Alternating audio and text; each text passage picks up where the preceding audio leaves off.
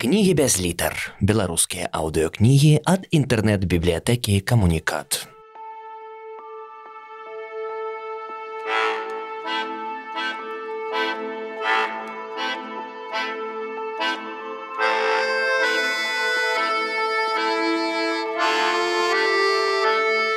Виктор Касько, Симка Серафимка, раздел перший.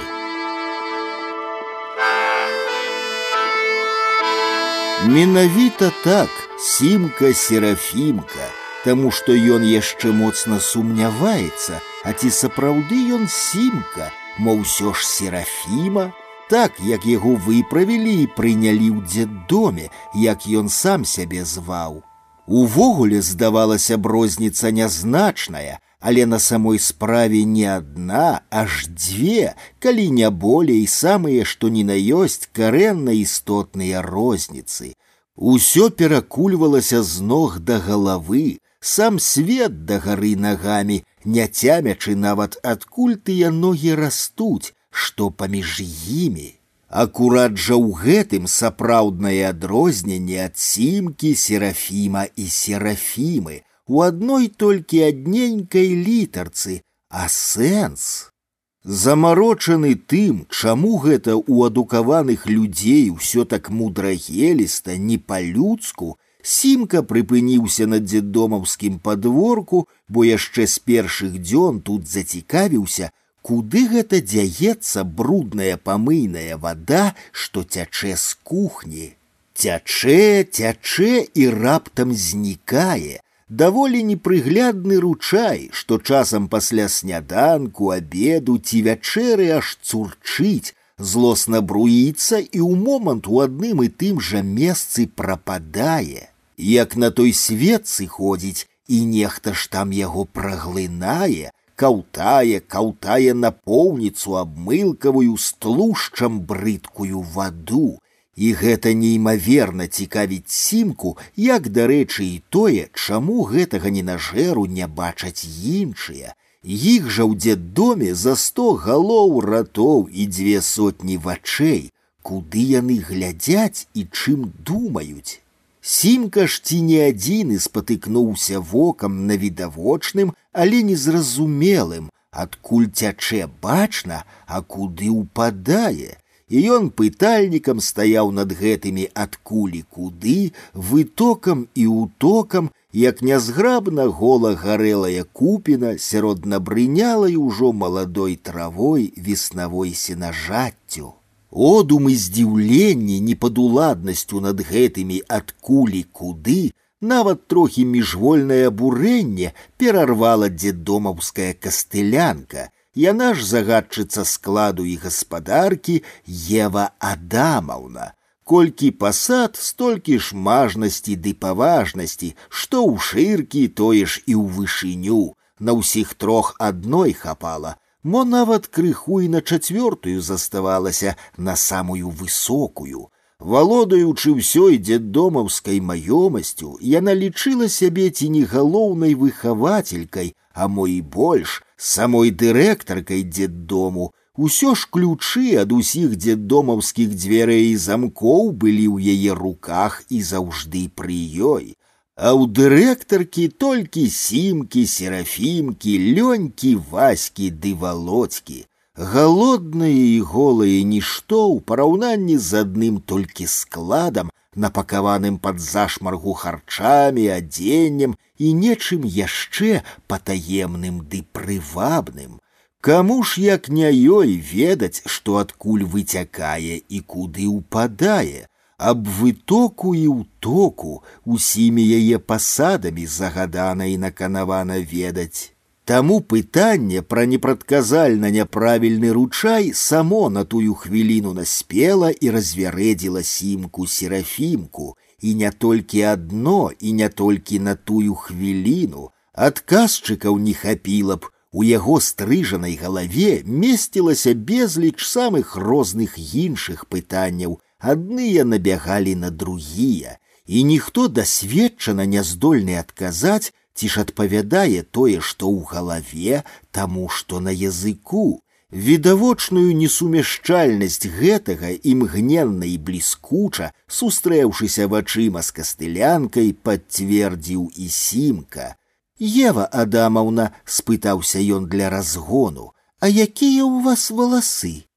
Кастылянка здзіўлена прыпынілася, чорныя сімка, чорныя. А на галаве зноў звярнуўся да яе сімка. Кастылянка скінула з галавы касынку, таксама чорныя сімка. Што? Ах ты шчанюк, я табе зараз пакажу. Няўжо? Наўмысна здзівіўся сімка. Няўжо і па праўдзе пакажаце. Зараз, зараз будзе табе карцінка і натруджаная ўнушальная рука Евы Адамаўны пацягнулася да дапытлівай сімкавай галавы і яго загадзя пачырванелага вуха. Толькі ён ужо ўцяміў, што мае паказаць яму кастылянка, каляровую карціну з іскрамі ўваччу і рвануў ад яе зусім не серафімкай, якой лічыўся да нядаўняга часу, і ў Еве Адамаўне абудзіўся даўно ўжо прыснулы падлеткавы спрыт. Яна патупацела за ім з такім імпэтам і такой хуткасцю, што здавалася яму ніяк і ніколі ад яе не ўцячы. Сімка пэўным месцам ужо адчуваў учэпістыя, здольныя і дужыя, нават для перакіду мяшкоў з мукой і крупамі руки, зусім не падлеткава дзявочыя руки грушчыка Міжволі папікаў ён сябе ў тым, што занадта хутка па дзеддомаўску адукоўваецца. Нічога не зменіш, кемлівы, здатны да навукі, як кожны чысты, яшчэ не сапсаваны ведамі. А ўсё ж яны веды, калі шчыра зводзяцца толькі да аднаго. У лепшым выпадку, як на пень брахаць, а ў горшым, як на той жа пень сраць. У кастылянкі з першай спробы не атрымалася авалодаць сімкавымі вушамі, хаця яны былі ўжо гатовы да гэтага, развешаныя, што сланечнік па абодва бакі макацоўбіны. Але Ева Адамаўна з другой спробы ўсё ж злаўчылася і ухапіла яго за каўнер сарочкі. Яму стала балюча і шкада сваёй сарочкі, толькі ж ён па праўдзе ні кроплі не серафіма, а сімка вылузнуўся, дзедомаўскімі сцежкамі па садзе сярод яблыняў дапяў да плоту, у якім мелася знаёмая яму дзірка, дошка не прыбітая знізу. Адсунеш яе галава пралазіць і ўсё астатняе пролезла. Асноўнае зведаў дзедомаўца прасунь галаву, Таму што апроч чэрава і галавы падкатоўскага у іх нічога няма. Галава сімкі пролезла без напругі, нават вушы не зачапіліся, і ўсё астатняе адразу апынулася па-за плотам. Кастылянка памкнулася прарабіць тое, што і сімка, яе галава на дзіва таксама пролезла, а датычна ўсяго іншага ні туды, ні сюды, Усім іншым кастылянка непралазна захрасла ў плоце, прыземленая ўжо была глёўкая, асабліва клубамі, укленчылася, падвоілася, тулава па адзін бок плоту, а па другі адно толькі галава са шчыліны тырчыць і вачыма люта варочае, Нізы, клубы, а задак толькі спадніцу матляюць, сапраўды трапіла як рыба ў нерад ні назад, ні ўперад. Вызвалены ад небяспекі і пераследу сімка не без задавальнення паназіраў, як кастылянка крэкча і бездапаможна плямкае губамі, вылуплена варушыць вачыма, дрыгаецца з пойманым тулавам і сказаў: Тое ж было і ў нашым лесе сярод дзвюх зросшыхся бяроз з лісой, чым не прамінуў пакарыстацца мясцовы заяц. Вось чаму страшней за зайца ў лесе звера няма. Шкада, што я не заячай пароды. Выказаўся злосна і помсліва, таму што апошнім часам не трываў гэтых еваў. Ева яна ўсюды ева, а гэтая яшчэ і адамаўна Адамам звалі яго деда, яго няма, немцы жыўцом спалілі, а гэтая Ева як скрала яго імя, і дзед Адам для сімкі нібыта памёр двойчы, ужо зусім і назаўжды. А да ўсяго у крыўдзе і помслівасці ён сімка горычу адчуў, што дагэтуль яшчэ сам не ведае, якой ён пароды, адчуў непаразуменне і крыўду на дзяўчынак, з якіх безумоўна паходзіў да нядаўняга часу, назаўжды прылучаны да іх нараджэннем, убачыў сярод іх і ў іх сябе, прынюхаўся і знюхаўся з імі, з'яднаўся і парадніўся, еў, спаў і гуляў у адны лялькі, а яны імгненна і ўсе разам здрадзілі яму, адмовіліся лічыць яго сваёй пароды, пачварна, нібыта ён вылюдак, фашыст, паперлі яго прэч, а ён сімка, тады яшчэ серафімка, ужо не мог без іх, так даверліва і да апошняга ўздыху распранаўся перад імі спяваў нават ім песенькі ўвечары, кладучыся спаць на дабранач, спяваў ранкам прачынаючыся і трошкі ў дзень, калі быў у гуморы, адназначна толькі іх дзявочыя. Мама, я жопера люблю. Мама, я за жопера пайду. Жопер ездзіць у машыне у яго жопа ў бензіне, во за гэта я яго люблю. Увогуле трэба адзначыць, што ў той час гэта была ці не песневая нейкая лихоманка, адусюль хрипела, в городском саду играет городской оркестр, на скамейке подсудимых нет свободных мест.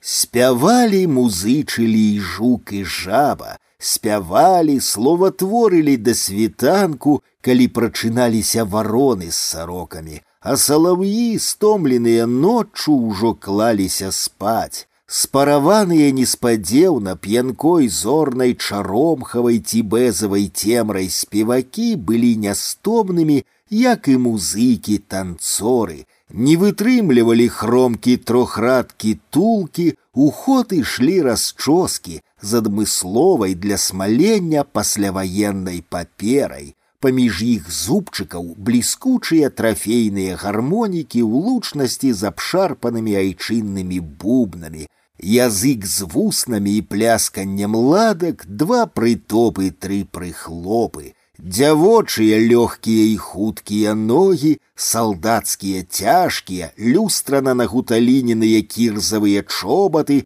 вылізаныя бархоткай да бляску, што ў ката яйца, курылі прысак і пыл змораных і здзічэлых, доўгі час безгалосых вясковых вуліц з іх знямелымі хатамі, калодзежавымі жоравамі і з чарнелымі прызбамі. Гулліва ўздымаліся да месяца і зор, выспеленыя ў маркоце і жаночай самоце прыпеўкі танчылі захлыналіся патаналі ў спевах і музыцы пажарныя падмедныя трубы альтоў тэнараў басоў сваіх духавых аркестраў спявалі і танчылі вайскоўцы таксама падмеці бляск ужо сваіх духавых аркестраў а потым раптам як з іншага свету з'явіліся арыстакратычныя акардэоны і баяны такой голаснай песеннасці, такіх скокаў тут не ведалі ніколі, ні раней, ні пазней, танчыў і спяваў час, танчыла і спявала зямля. Калі яна стомлена пачынала курыцца прысакам, бралі ў калодзежах ваду і тушылі паліваючы, і асушальна мясілі зноў да прысаку. Найбольш музычнымі і спеўнымі маёва-салаўгійнымі былі так званыя ПГТ, пасёлкі гарадскога тыпу, мястэчкі, слабодкі, і вясковыя вечары, калі на змярканні ўжо лябёткава выплывалі з хатаў і падворкаў дзеўкі перастаркі, заседзеліся ў дзеўках за гады і гады адсутных кавалераў, ахвотна здаваліся пераможцам ваярам.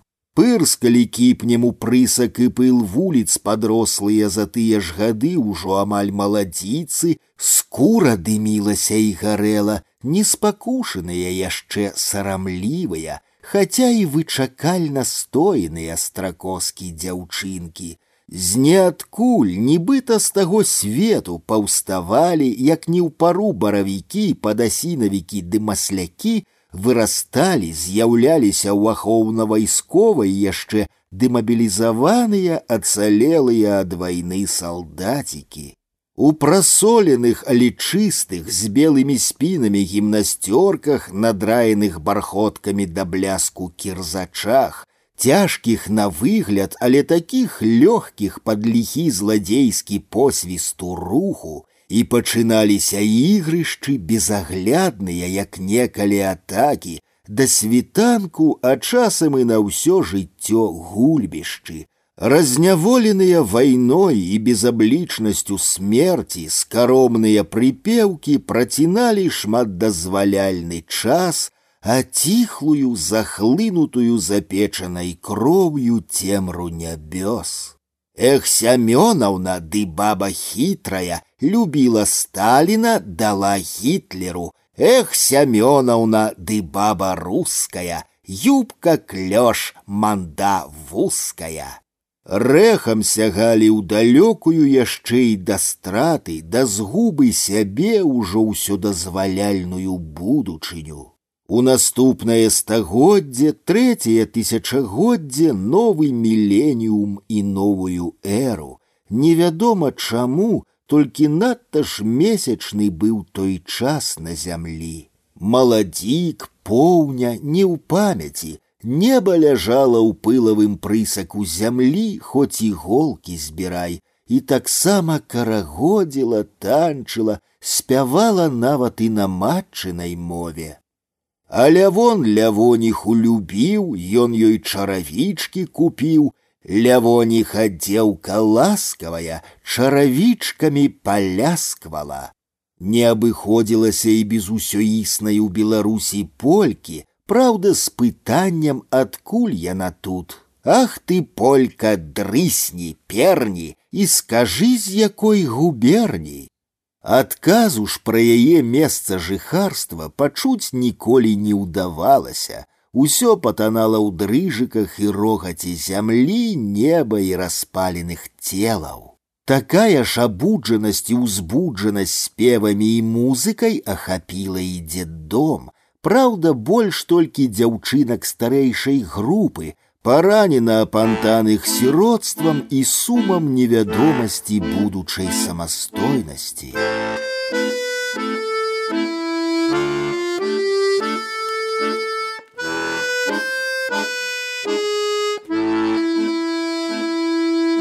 З нічога і ніадкуль і дзеддом таксама займеў свой сапраўдны духавы аркестр, шыкоўны нямецкі акардэон і баян, і ён сімка серафімка унадзіўся шыцца і віцца каля дзедомаўскіх хворых на музыку хлопцаў, як галодны цуцык каля недасяжных яму, але надзвычай прыцягальных костак, імкнуў да самадзейных музыкаў і сам нешта музычнае спеўнае скавытаў, каўкаў, мармытаў і галёкаў, да чаго аказаўся надта здатны і наблатыканы, Усур'ёз галасы акардэона, баяна, духавога аркестра уводзілі яго ў ступар, апякалі агнём, полымя якога шугала панад ім і ў ім, зводзілі яго да плачу ўсім целам, крывава апякальнай слязы. Ён палаў, гарэў і біўся з агнём у сабе, хаця аб тым ніхто не ведаў і не здагадваўся, таму што вонкі з яго вуснаў вылятала штосьці недалужнае, глумліва блазнаватае, як і тады, калі дзяўчынкам малодшай ягонай групы надышла чарга ісці на памыўку ў лазню. Ён зухавата нешта, як яму здавалася да месца, хаця і без музыкі, але музычна прыстойна пракаўкаў, на кшталт расцветали веники в порылке, Поплыли туманы по реке, выходили на берег ботинки на высоком дамском каблуке. І ці не ў чаканні ўжо апладысментаў сукенку скінуў і акуратненька па дзявочы зусім як серафімка склаў. Тое ж самае прарабіў і з трусікамі, аж самому ад сваёй акуратнасці брыдка стала, і ўсё яшчэ вычакальна каўкаючы, падаўся да затуман паруючых уваходных дзвярэй непасрэдна ўжо ў лазню. А яны евы, што заўсёды згодна падкаўквалі яму, як язык страцілі, а не мелі і руки ў іх адняло збянтэжана цішком бокам бокам ад яго нібыта ён не іх ці заразны сімка а на самой справе цалкам тады яшчэ серафімка няўцямна зазіраўся змеціў звярына адчуў нешта не тое чамусьці ён выбіваецца выпадае заўжды прыхільнай да яго дзявочай чарады. Пэўна, на тую хвіліну ці не ўпершыню спрацавала, аказала сябе хлапчуковае, а можа, ужо і мужчынскае. Мелася ўжо ж яно ў яго было, было, выпіналася нешта вонкі, на што ў дзяўчынак і намёку няма, нічога няма. Больш таго, нібыта тое яго нештачка ў іх было ўсярэдзіне.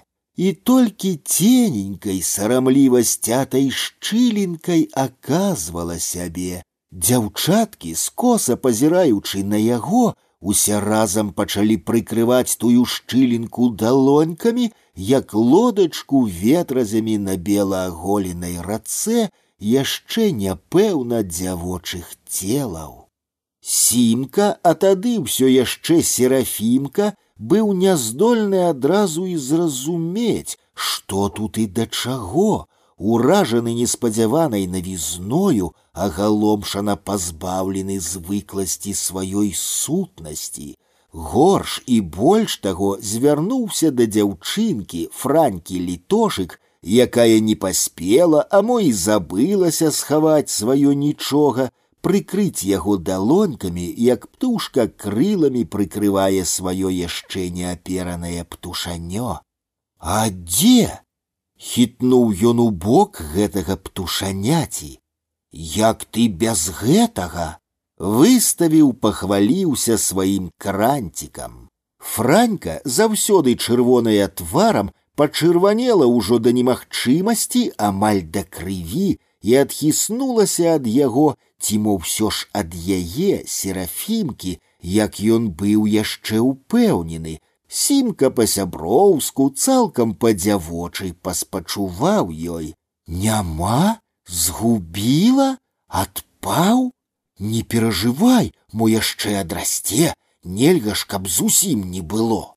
Вось пасля такога шчырага спачування ўсё і пачалося як у Адама з Евай пад яблыняй толькі наадварот. Еваў было надта ж багата, а Адам, асімка серафімка на ўсіх іх адзін. І быў жахліва пагрозны голас над ім, надта ж падобны на загад. Укрыжуй, распні, распні яго, і кожны голас са шматгалосага хору яшчэ ўчора яго таварак падобны цвіку бязлітасны смяротна забойны. Бразгалі коўзаліся і лёталі тазікі і ручнікі, градам падала мыла, рухава і бессаромна бела мільгала, крывілася і касавурылася ўжо непрыхаванае дзяўчаткамі іх нішто рассыпаліся і вар'яцкі кружлялі, секлі па раззлаваных патыліцах заплеценыя ў косы і распушчаныя валасы. Угневана разявіўшы рот дыхалі парай прыадчыненыя дзверы, распаленыя ў парыльні лазні камяні. Паперлі девачкі сімку, ужо відавочна і бясспрэчна сімку, а не серафімку, як выбракаваную пароду, паперлі з лазні голенькім і самі неўсвядомлена такія ж, як па праўдзе евы голенькія. Рай непрадказальна і бунтоўна ператварыўся ў пекла, і мелася ў ім усё, каб людзям паказаць і самім падзівіцца, раз'ятраныя малалеткі ведьмы, збянтэжаны непаўналетні грэшнік, памылкова трапіўшы туды Адам. І бег гэты наваяўлены грэшны Адам, як знарок, а мо не знарок, дзеля пакарання ці выпрабавання гадам засланы ў чужую яму евіну раёвую пароду, да якой па сваёй ахвоце ці злому нагавору недаравальна прагнуў далучыцца, а ўслед яму раз'юшаныя евы кідалі нядобрыя выкрывальныя і зусім не раёвыя і няевіныя словы, а некаторыя і тазікі.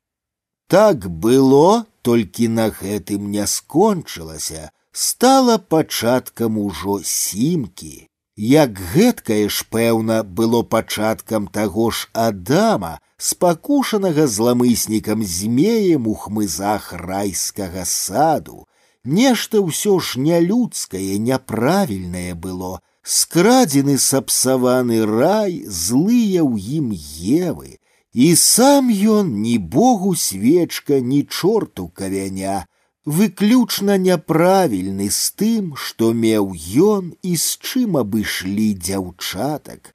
Хтосьці ўсё ж пры дзяльбе стварэнні людской пароды моцна памыліўся, адным даў, а ў другіх адабраў, крыўда лёсу, так што ім не толькі жыць, на двор хадзіць інакш прысядаючы на канавана няма інструменту няшчасныя няшчасныя евы хаця так ім і трэба крыху пазней калі сяк так усталявалася і супакоілася ўсё што адбылося ў лазні Сімка з вялікага спачування абездоленасці дзяўчатак, спазнанага ім сваім розумам уласнага роздуму аб гэтым, вырашыў праверыць на свае вочы даведацца, наколькі сапраўды няшчасныя яны.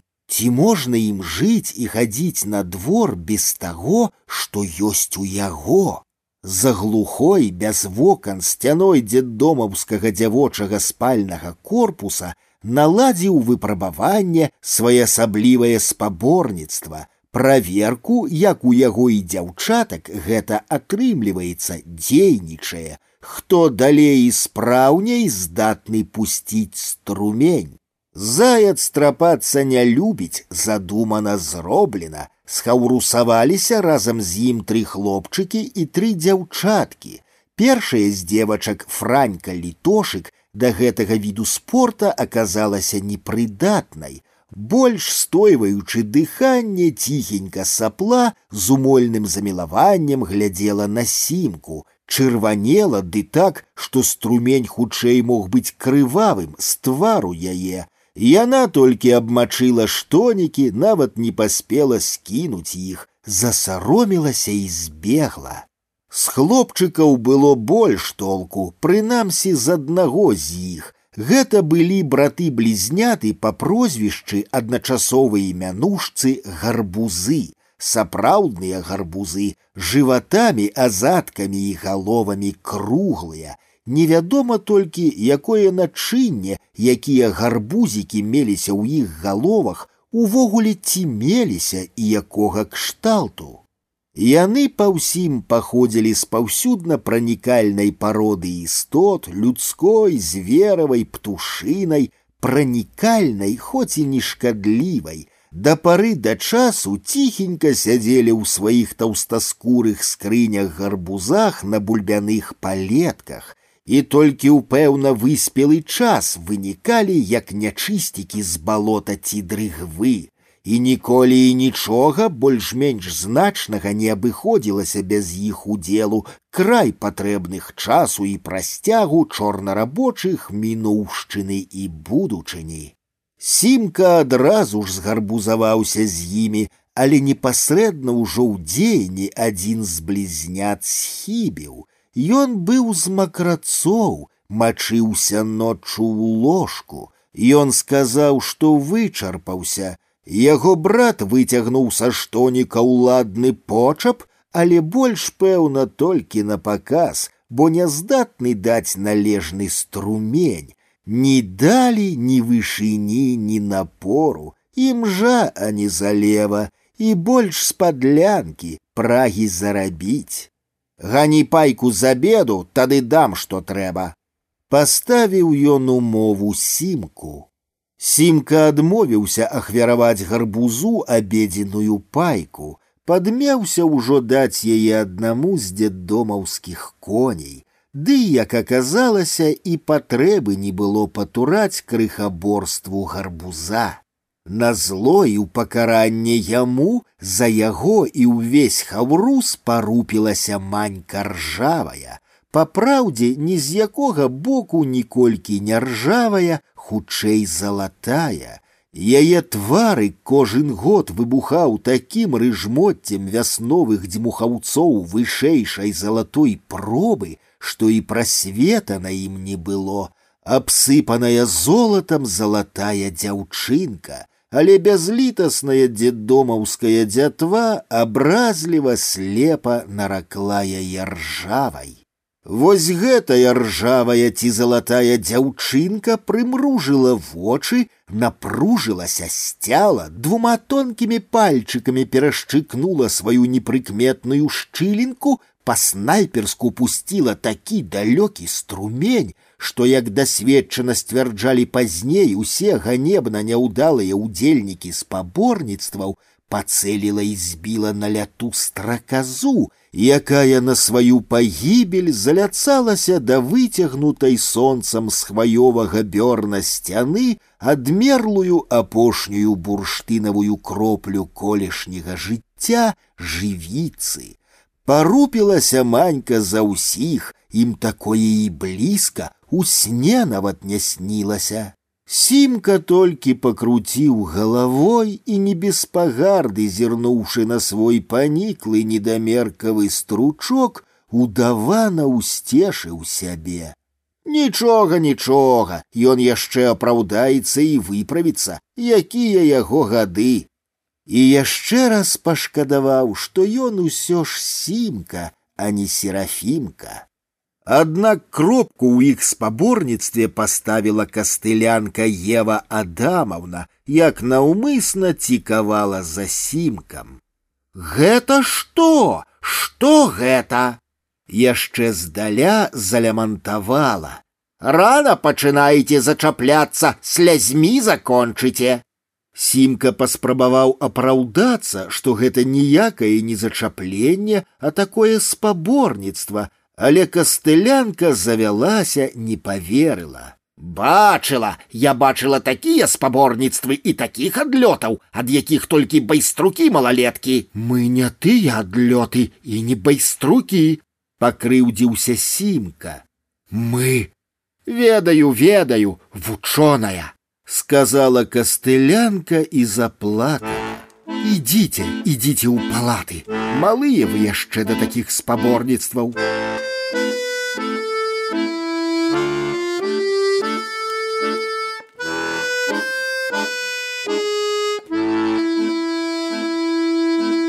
Ці не тады ён ачуўся і упэўніўся, што ён без дурняў і да бабулі не хадзі, толькі сімка, а ні ў якім разе не серафімка.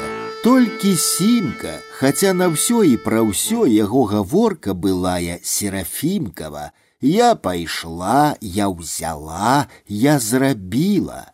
Інакш і памысліць не мог, таму што ўсе свае гадкі пражыў менавіта як серафіма, дзякуючы гэтаму і выжыў, і вакол яго жылі адны толькі так званыя серафімы, хоць і пад рознымі імёнамі жанчыны. Да дзеддома ён быў упэўнены ў тым, што іншага роду людзей на свеце няма, Вайна выкаціла з яго глухой палескай вёскі і напамінак аб іншай, першай ці другой палове чалавецтва. Лёс пажартаваў і здзекліва пакінуў, як на развод аднаго яго з той паловы, аднаго яго, што спазнаў толькі з носу ды ў рот, пад стол пешкі яшчэ вучыўся хадзіць, а яго на працяг чалавечага роду. Вось такія мудрагелістыя забаўкі бязлітасна смяротных гульняў вайны звыклыя і бясконца пажыццёва чалавечыя. Тады ў вёсцы ці каля вёскі, амо паблізу ў лесе некага забілі, свайго чужога немца, партызана, такі ўжо абавязак, работа такая ў вайны, нішчыць забіваць тых, хто пры стрэльбе і без, бі сваіх, каб чужыя баяліся, бі чужых, каб перасцерагаліся пладзіцца свае. І ніхто не ўведае, хто гэта каго выправіў на той свет, і ніхто не спазнае, дзе чыя магілка, виноватого, невинного, бойка, смерть, бабуля безобличная и непераборлівая, зямля, дожджы, час и воды аднолькава прымаюць і прыбіраюць кожнага, не пытаючыся прозвішчаў паходжання, звання, быў бы чалавек хороший. Адно толькі патрэбен толькі той, хто апраўдваў яе існаванне, вінаваты, нявінны, справа дзясятая, каб ведалі і помнілі і каб нікому не панадна было, дзеля гэтага і патрэбен зямлі хорошы чалавек. Яго шукаюць усе з сабакамі і са свечкамі няспынна, доўга, пасля таго, як той чалавек хорошы даўно ўжо спрах і, пэўна, па спрахласці не знаходзяць. Няма, нямашака яго, а на няма і суда няма. Толькі ўвогуле такая шукальная людская натура, шукаць, што было і чаго ніколі не было і быць не магло учарашні дзень і дзень уначы, а ў дзень ноч. Шукаюць таго, хто яшчэ не нарадзіўся і таго, хто ўжо на тым свеце. Шукаюць таго, хто ўжо даўно смярдзіць і яшчэ свежанькага, жывога і памерлага, сякеру пад лаўкаю і знаходзяць таго, хто на відавоку, вунь жа яго хата стаіць, Вунь жа яго дзеці корпаюцца ў вулічным прысаку, і жонка, падаткнуўшы спадніцу жне жыта, і сам ён, як толькі нарадзіўся, убачыў гэты белы свет, адразу ж пачаў чакаць, калі яго знойдуць, Таму што нават заплюшчыўшы вочы, добра ведаюць, каго трэба шукаць і хто вінаваты. І хлусяць, хлусяць, калі гавораць вечная памяць, і ніхто не забыты і нішто не забыта. Усё і ўсе перад смерцю роўныя і аднолькава пахавана забытыя. Так гэта, так, хаця не зусім так, а за грошы. Памяць таксама смяротная і абіральна згаворлівая, Таму і не ўсе перад ёй сапраўды такія ўжо роўныя, ёсць жа яшчэ і раўнейшыя, Хаця на ўсіх усяму беламу свету адзіны крыж, такая ўжо зямная касавіца, такая зямная сенажаць. І ў той сенажаці нехта лёг на вечны спачын, некага забілі каля вёскі, што да гэтага часу хавалася ў балотах, замкнутая і засцярожаная дрыгвой, багнай, непраходнымі барамі і дубровамі ды яшчэ ж рахманай памяркоўнасцю.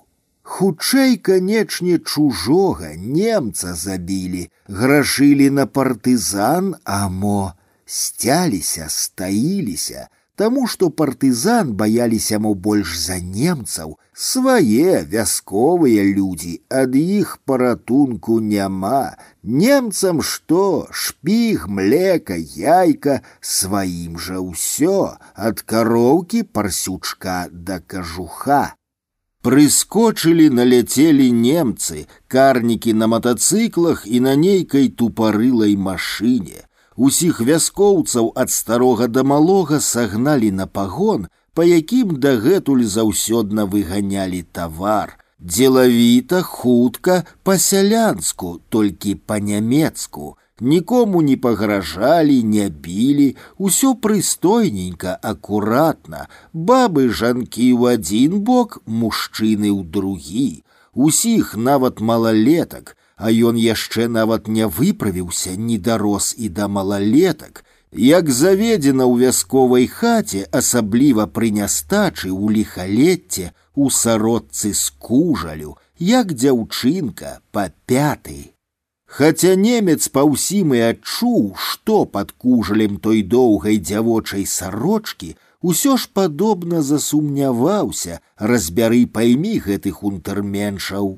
Кіндеркнабе, Мэтхен, Ман, спытаўся, прыглядаючыся да міжузроставай і такой жа міжполавай апраткі, звяртаючыся да дзеда, у якога сімка жыў, і яшчэ аб нечым яго пытаючыся, пра што пэўна мой не хацеў, але мусіў пытацца.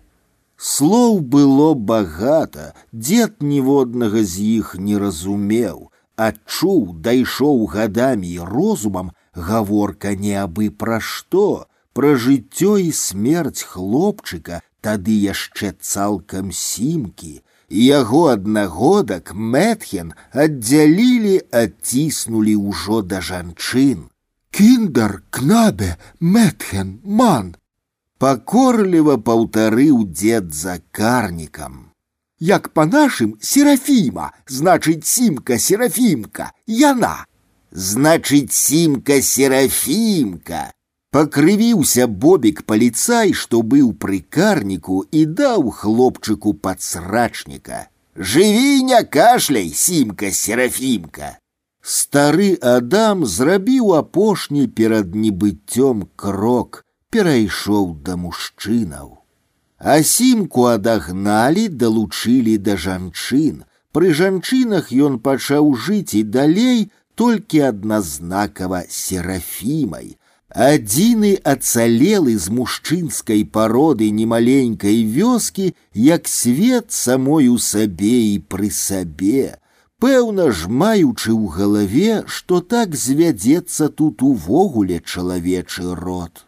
Мужчынскую шадамаву пароду загналі ў стайню, замкнулі завалай і падперлі яшчэ вароты бярвеннем – з металёвых каністраў мышынага колеру аблілі газай ці бензінам, пагергеталі на нялюдскай мове і падпалілі полымем з нейкіх павуцінаму тупаносых і рылатых дзюбаў. У кожнага з падпальшчыка ў адмысловых заплечніках, падобна, як у авечых ці конскіх стойлах, хавалася незлічона вогненных коняў, і таму напал іх агню бы ўсё ахопны сягаў да неба аблачыны зорак, калі яны на той час яшчэ не згарэлі, а толькі ад жаху і жудасці сусветна галаснага панавання полымя яго всепаглынальнага ляманту і тагасветнай немасці жанчын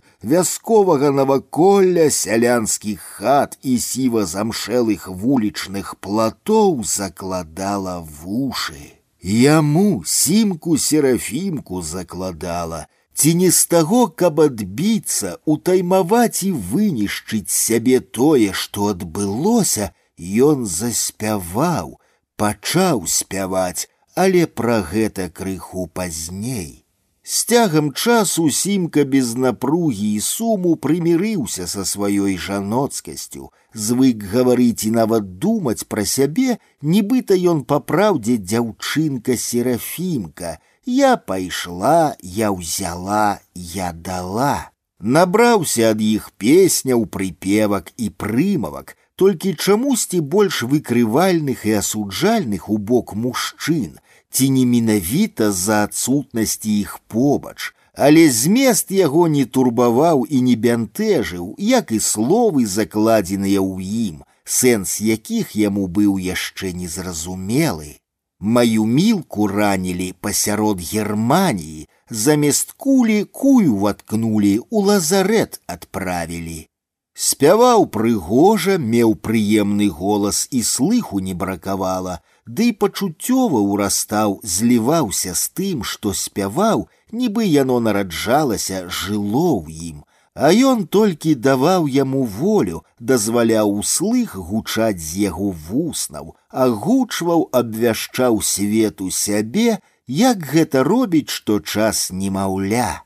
По блату, по блату спалили немцы хату, построили халупу, похожу на залупу, на позицию девушка, а с позиции мать, на позицию девушка, а с позиции блядь. Тая яго песеннасць перарвалася, спынілася, праўда, часова, памянялася тады, калі перайначылася і яго жыццё, надышло вызваленне ад вайны. Родных у яго не было, деда, як ужо казалася, немцы спалілі, бацька загінуў на фронте, маці памерла. Вёска даглядала, карміла, паіла яго падворна, як пастуха па чарзе. Толькі пасвіць ці нават падпасваць яму не было каго. Не было кароў, немцы з партызанамі, Вайна паела іх разам з усім, што вішчэла, кукарэкала і квактала, Ды і сам ён сімка серафімка быў яшчэ малы. Самога яшчэ было трэба пасвіць і пасвіць, травы, крапівы, лебяды, нічога не кажучы пра шчаўе ўжо не набярэся.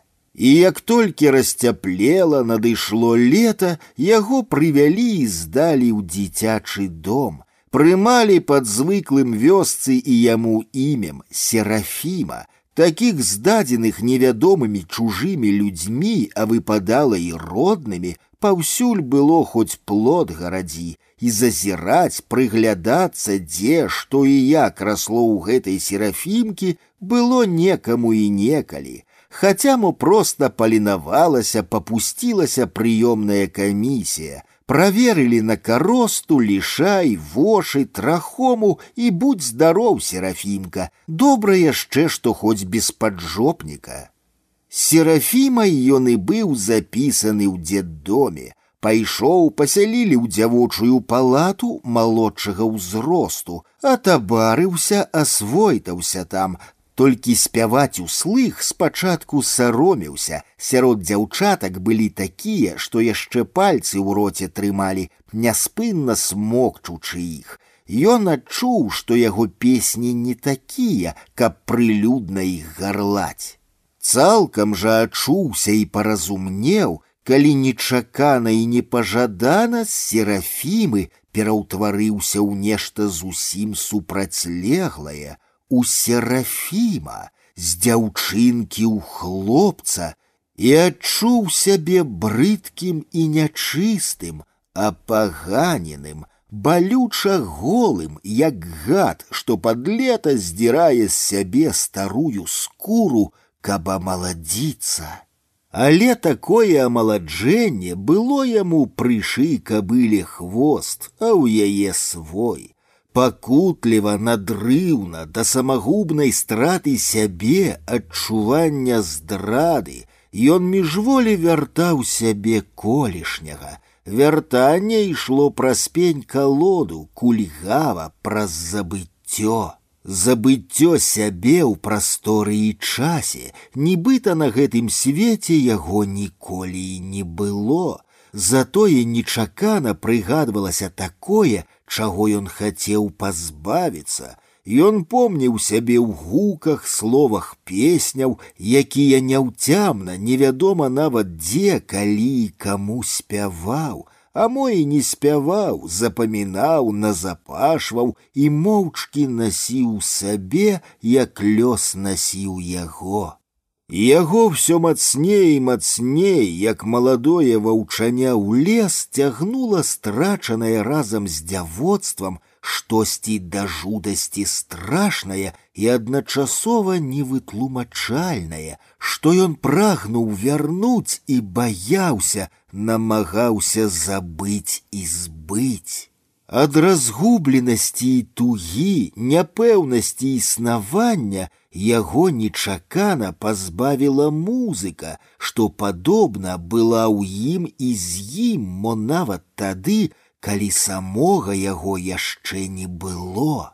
А цяпер у згрызотах самоты сталася ці не адзіным паратункам, сэнсам яго новай знявечанай сутнасці, Ён рабіўся сам не свой ад таго, што срэбна ці мядзяна спараджалі альты, барытоны, тэнары і трубы духавых аркестраў, а асабліва ж баян. Кожны раз, калі чуў іх галасы, ён камянеў, заходзячыся як немаўля ад крыку ў сабе, нябачна трымцеў целам, дробненька вырушыліся толькі вусны, нібыта паглынаў пачутае.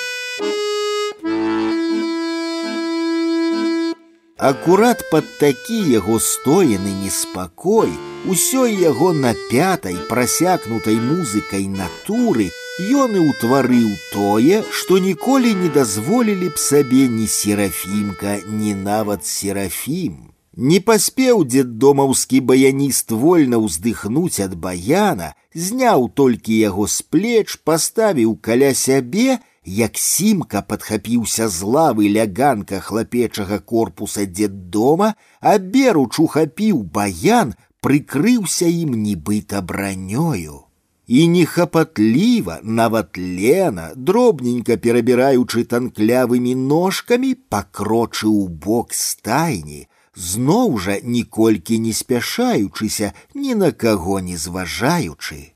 Гэта была хада самаўпэўненага, спрактыкаванага гарадскога злодзея, на якім усё ж гарыць ужо шапка, а ён робіць выгляд, што гэта шапка зусім не яго, а калі яна на ім гарыць, то не пячэ. Так заўжды па ўсім носяць сябе манячы ўсяму свету, самаўпэўненыя, што не на ёсць заядла адпетыя злачынцы, сцята адрачона пасля ўчыненага, Нароўні з імі могуць быць толькі прыйдзісветы, выбітныя палітыкі, дэпутаты найвышэйшых рангаў ды ўсенародна абраныя прэзідэнты, амаль месіі, а яшчэ індыкі, якія толькі-толькі справілі шлюбны абавязак у сваім гарэме. Дзе і калі прайшоў такую навуку, набыў такія веды сімка, можна было толькі гадаць, Падобна гэта ў ім было прыроджанае, якая амаль тагасветная чароўнасць баяна, які ён нахабна на відавоку ва ўсіх стырыў. Сутнасць і аснова баяна, як і любога інструмента, кожнай прылады, у якой былі прыхаваны гук, мова і гучанне, што надаваў ім чалавек, здольны разумець і размаўляць не толькі з сабе падобнымі, але і з светам і нават сусветам. І праз нейкі час было падобна, што і сімка валодаў такім умельствам, паразумеўся са скрадзеным баянам, з-за якога седзячы быў амаль нябачны, толькі рухавы віхорчык, кожны валасок паасобку, а ўсё астатняе ўжо не яго тагасветная нікеляваная усмешка акантоўкі мяхоў у сонечных праменьчыках, грэблівая, калі няздзеклівая, пад кожны палец падатлівая спружыннасць каляровых гузікаў, удых і выдых невядома чый каго, а ўсё астатняе ўжо звыш, звыш у голасе і гуках, якія ён, а хутчэй невядома і падсвядома, хто і як утвараў, але ўсё гэта потым, потым у свой час. Амаль як паветраны плыў разам з сімкам да дзедомаўскай стайні баян, Дзеддомаўцы і дзеддомаўкі, што сядзелі каля баяніста, па першым часе як знямелі, нават не зварухнуліся, толькі франька літошык неймаверна выбухнула чырванню, дыманька ржавая, мо прадчуваючы штосьці, а мо з непасрэднасці і жвавасці натуры падхапілася з лавы і запляскала ў ладкі, што атрымалася асабліва гучна з запануючай цішы.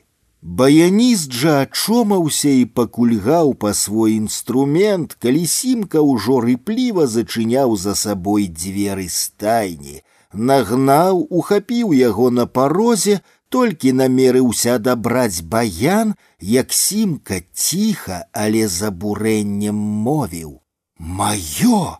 І гэта была не просьба, не ўмольванне, а сцвярджэнне. Баяніст, пэўна, адчуў бясспрэчнасць моўленага і пагадзіўся.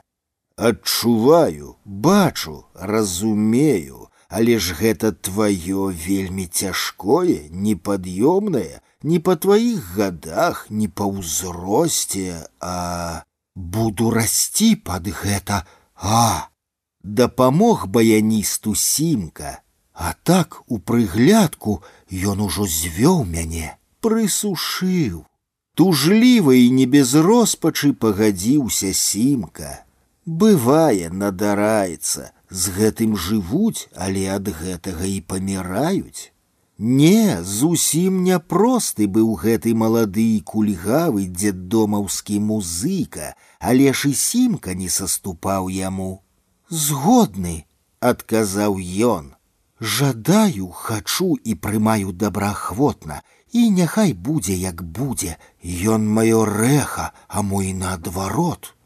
На тым яны і паразумеліся, не, не, зусім няпросты быў калечаны дзеддомаўскі музыка, хоць мо ці не кожны, хто ацалеў, выжыў, напоўніцу паспытаўшы акупацыю і акупантаў, пахрышчаны вайной, так сябе паводзіў.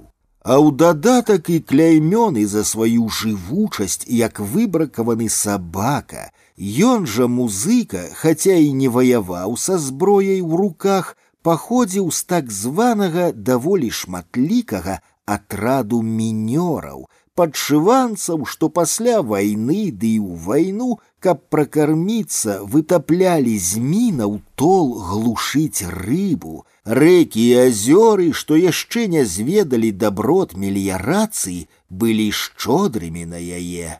Яго міна свая чужынская, савецкая, нямецкая заўчасна выбухнула. Яму пашанцавала, знявечаны, але жывы застаўся.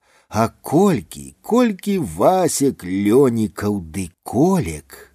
Гэта было наканаванне, а часам і смяротны прысуд не толькі яму аднаму.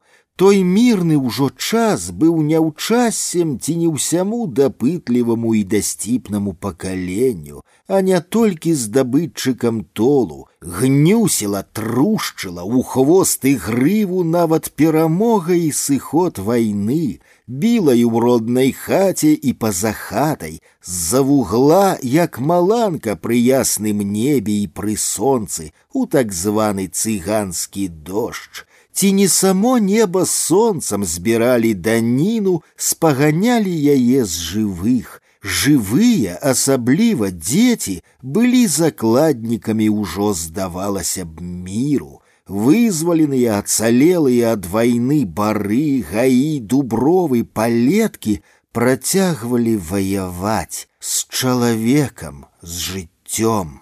Мірны без ахвяраў свет быў толькі прывідам, толькі мроіўся рэсце па рэшткам ацалелых, спраўджаных і няспраўджаных маці, бацькоў і іх асірацелых нашчадкаў, таксама ж іх выхавацеляў, Усе яны абяздоленыя ляпіліся адно да аднаго, збіваліся і зрасталіся адным лёсам у адной абмежавана абвужанай прасторы, у адным могілкавым для многіх часе, аднолькава дыхалі перадцятым, забітым і пахаваным мінулым, няпэўным заўтра і сёння.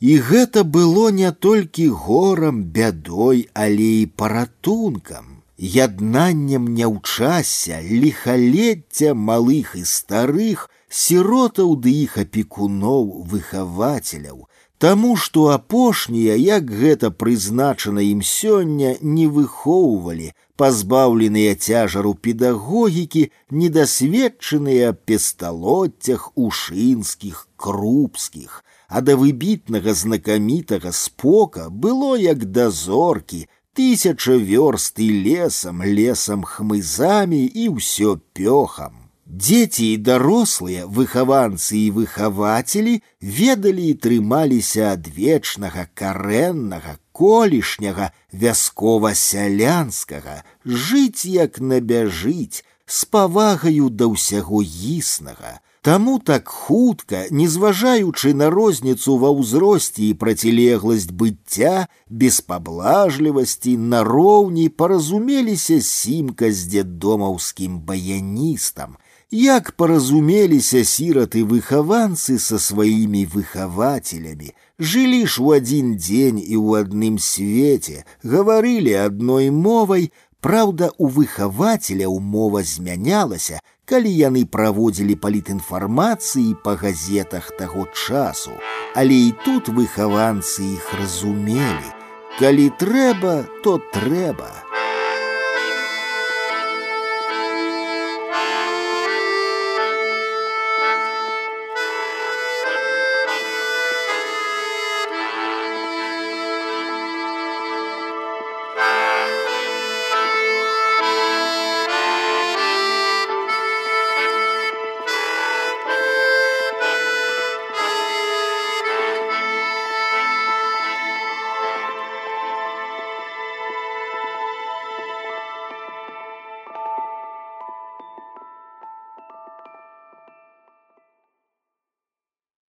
Кнігі без літар. Беларускія аўдыёкнігі ад інтэрнэт-бібліятэкі камунікат.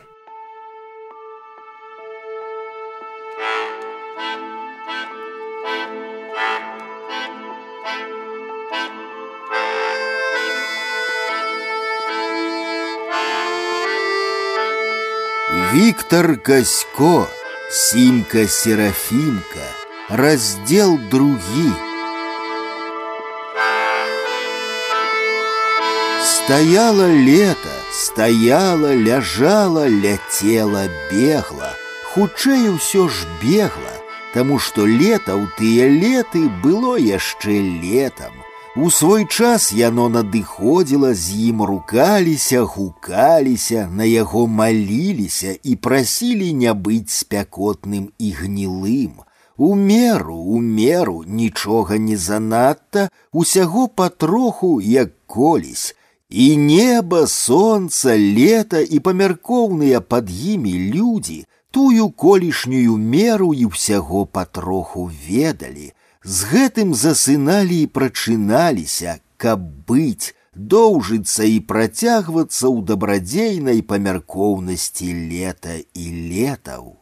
Стаяла лета ўсім усяму існаму і сутнаму, продзіралася праз шчыліны паміж бярвеннямі старой стайні, бруілася вострымі лёзамі сонечных праменняў, часам карагодліва мітуслівых, але нечакана зыркіх і скрынкамі заляжалага тут праху і тлену мінулага. Развітальна ці няшлюбна пахла яшчэ леташнім, а мо і пазалеташнім мурожным сенам і спажыўцамі яго коньмі і валами. Дух ад валоў быў густы і цяжкі, абвалакальна валовы, потава-сялянскі зямельна-глебавы, падлеткавы, з водарам хаты далёкага вечаровага сырадою з наплывам адвечнага вяскова-хатняга тлуму заклапочанасці, дзіцячай, жаночай, гаспадарча-мужчынскай, Коні ж патыхалі ленай шляхецка вытанчанай вольнасцю, гарматным вайсковым маслам і таксама летам, сенам, калі яно ўжо ці яшчэ ў копах, ветраным борам, маладымі хвойкамі, калі тыя ўпершыню цвітуць, дарогай з іхнімі шконскімі яблыкамі, а яшчэ дымам і порахам, што назаўжды ўвайшлі ў іх кроў, прысталі да іх скуры, якую яны ўбераглі. Хлопчык сярод бруення і буйства гэтых водараў, пахаў, подыхаў, іх бессаромнай распуснасці і адначасова сарамлівай сціпласці, то палаючы ў бурштынава зыркім прамянёвым святле, то патухаючы ў апраметна чорных іскрынках абгарэлага былога і будучага, сядзеў на гарышчы старадаўняй стайні, звесіўшы з даволі шырокага лазу ногі, склаўшы галаву на мяхі летне лазовага колеру баяна. Амаль непазнавальны, нябачны пад тым баянам, няісны, і ў той дрымотнай, але чуйнай няіснасці лавіў рэха сваёй прысутнасці, а мо і адсутнасці, рэха сваёй існасці, якое апошнім часам пакінула, нібыта некуды збегла, пайшло ў прочкі ад яго. Ён адчуваў сябе існым штодзень і нават што час толькі імгненнямі, калі яму вельмі балела, торкала ў грудях ад болю, агню збітага пазногця і нечаканага нарыву на пятках, калі клаўся спаць, засынаў і сніў такія жахі, што ўдзень баяўся нават і думаць аб іх. Сны смылелі адчужанасцю і няіснасцю яго на гэтым свеце. Прымусова сведчылі, што ён усё ж недзе ёсць, толькі невядома на якім свеце нікому не бачны, і яму там непамысна горка самотна. Непамыснасць і няпэўнасць выспеліліся ў ім і цяпер.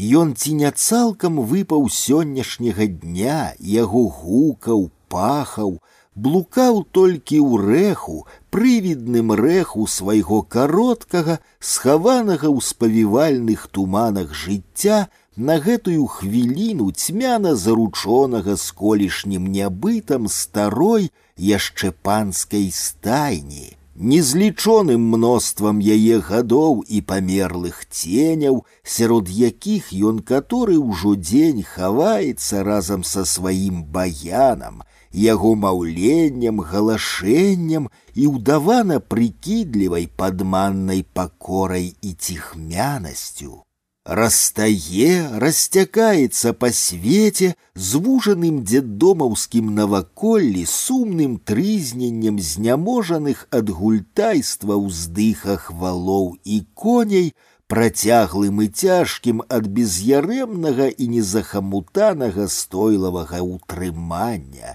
яднаўся з іх разняволеным пасопваннем, жаданнем поля, лесу, прасцягу і мо трошкі вясковага прымусу да працы. Валоў пакінулі тут канаць пасля іх доўгай дарогі з заходняй прусіі да беларускага палесся, высакародны племянны гурт нямецкага статку дастаўлялі самапёхам, у разлік рэпарацый, хоць нешта жывое за кошт сатвораных тут вялікай крыві і смерці. Валы цяжару той пасмяротнай платы не вытрымалі. На апошнім уздыху дасталіся дзеддому і дзеддомаўцам, сіротам. У сірот аказалася на дзіва лёгкая рука, на ажыўленне нават памерлых ужо, іх адметнасць на гэтым свеце адраджаць, прайшоўшы самім праз смерць тварыць жыццё. Нечым падобны да валоў быў і лёс коней. Яны пазбеглі заўчасныя смерці, вытрымалі, выстаялі вайну на радзіме, дзе ўбачылі свет і жыццё, але тут і зняможыліся. Пасля вызвалення роднага кута у адрозненне ад людзей конікі адмовіліся, не здолелі ісці змагацца далей за чужую бацькаўшчыну. Адзін гняды, другі мышына бялявы, буланы. У дзеддоме коней так і нараклі. Шэра машэра, не без павагі і любасці, хаця іх сапраўднае вайсковае салдацкае імя абраша і фрыц. Фрыц акульгавеў, быў паранены ў нагу пры правядзенні аперацыі па канчатковаму вызваленню Беларусі багратыён. Абраша прайшоў простую аперацыю без стратаў і драпінак, але занудзіўся, калі застаўся адзін, без свайго сябра ворага ці не семіта паплечніка абрашы. Пачаў на вачах каростава лушчыцца, чэзнуць і сохнуць. Верная фронтавая прыкмета не жылец. Іх абодвух параднёных несумяшчальнасцю прозвішчаў, арыйца і бульбаша з яўрэйскім ухілам, ахвяравалі, падобна валам, толькі-толькі арганізаванаму дзеддому, Невядома як, чым, жалем, сваёй прагай да жыцця, спагадай, памяццю жахаў ліхалецця, дзе домаўцы паставілі абездоленых і скалечаных на ногі. Прусакі, нямецкія валы і айчынныя тутэйшыя конікі былі паселены ў адзін старажытны хлеў яшчэ панскага часу, як і забудовы так званыя карпусы прадвызначаныя дзеддому і дзеддомаўцам. У тых карпусах пры пану месцілася яго чэляць, белакаменны трохпавярховы панскі палат з вежай наверсе высіўся сярод вялікага парку, у якім раслі дзівосныя, сабраныя ці не з усяго свету дрэвы, занялі райкам партыі і райвыканкам. Суседства дзеддома і дзеддомаўцаў не з лепшых, як бяльмо навоку адных і другіх, але сужительства было мірным, цярпімым, а дзеддомаўцам яшчэ і прывабным закрытасцю, патаемнасцю жыцця ўлады сёння і колісь, узяць хаця б тыя дзівосныя паркавыя дрэвы, Кожны добра ведаў і ганарыўся, што яны ёсць і амаль побач, але якія і дзе гэтае побач, гэта вымушала думаць аб тым, ці няроўныя яны былому пану і сённяшняй уладзе ў прыватным валоданні нечага адметнага і свайго.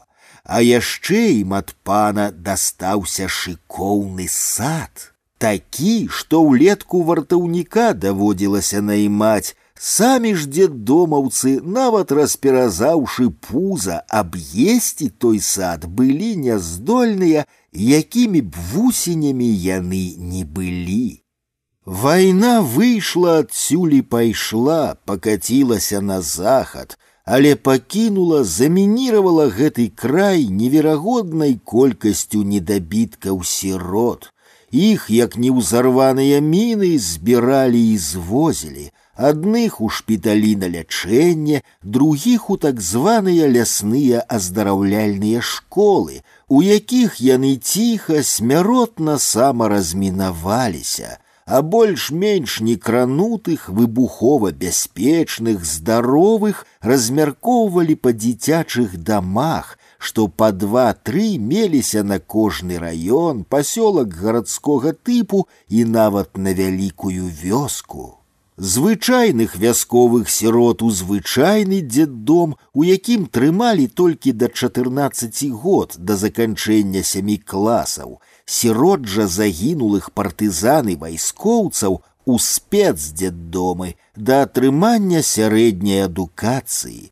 Такім чынам трапіў сюды у спецдзеддом і сімка, дадаўся да скалечаных вайной коней і валоў абраў сабе прытулкам іх стайні гэты хлопчык з баянам, абраў яшчэ без баяна і ў дзявочай існасці, хутчэй не асэнсавана падсвядома, таму што ўсё ж цягнула яго да хлапечага мужчынскага, як цягнула дзяўчатак да жанчын, іх занятку, жыцця, справы, хлопчыка ўжо да мужчынскай вартасці, годнага ім занятку. Гэта сакрыта і прыхавана мелася ці не ў кожным з сірот без бацькавічаў. Яны імкнуліся аднавіць перарванае дзяцінства, цягнуліся да страчанага, да дарослых, да памяці маці з бацькам. Недалюбленыя прагнулі ласкі, догляду,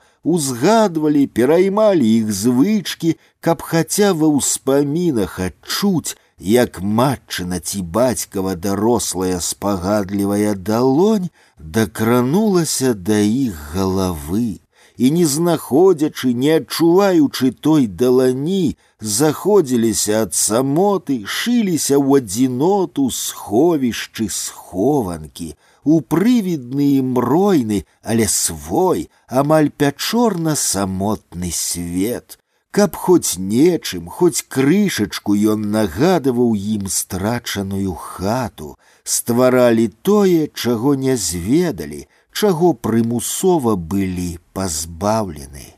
Рыхтуючыся пакінуць гарышча, ён старанна схаваў у сене баян, нібы сябе схаваў ці нават пахаваў, шчытна зачыніў дошкамі лаз і ўсё гэта старанна, але нехапатліва цішком. Вучоны дзеддомам, звыклы да патаемнай азіральнай абачлівасці, нават праз няпэўнасць свайго імя і полу. Па чарзе абышоў валоў і конікаў, як плату за прытулак абрашу і фрыцу даў падрабку цукру ад учарашняй вячэры, добра замурзаных у кішэні і не без патаемнага жадання з'есці самому. Волікам па захаванай ад абеду пайцы крута пасоленага хлеба. Так было заведзена яшчэ з таго дня, калі ён з баянам і баяністам зачыніліся ў стайні, Што яны там рабілі, пра што гаварылі, назаўсёды засталося паміж імі. Толькі праз нейкі час стайня і дзеддомаўскі панадворак прарэзліва загаласілі баянам. Плачам, стогнам і шалам яго, такая разлягалася музыка, што было боязна і за волікаў і законікаў, моташна ўсяму свету.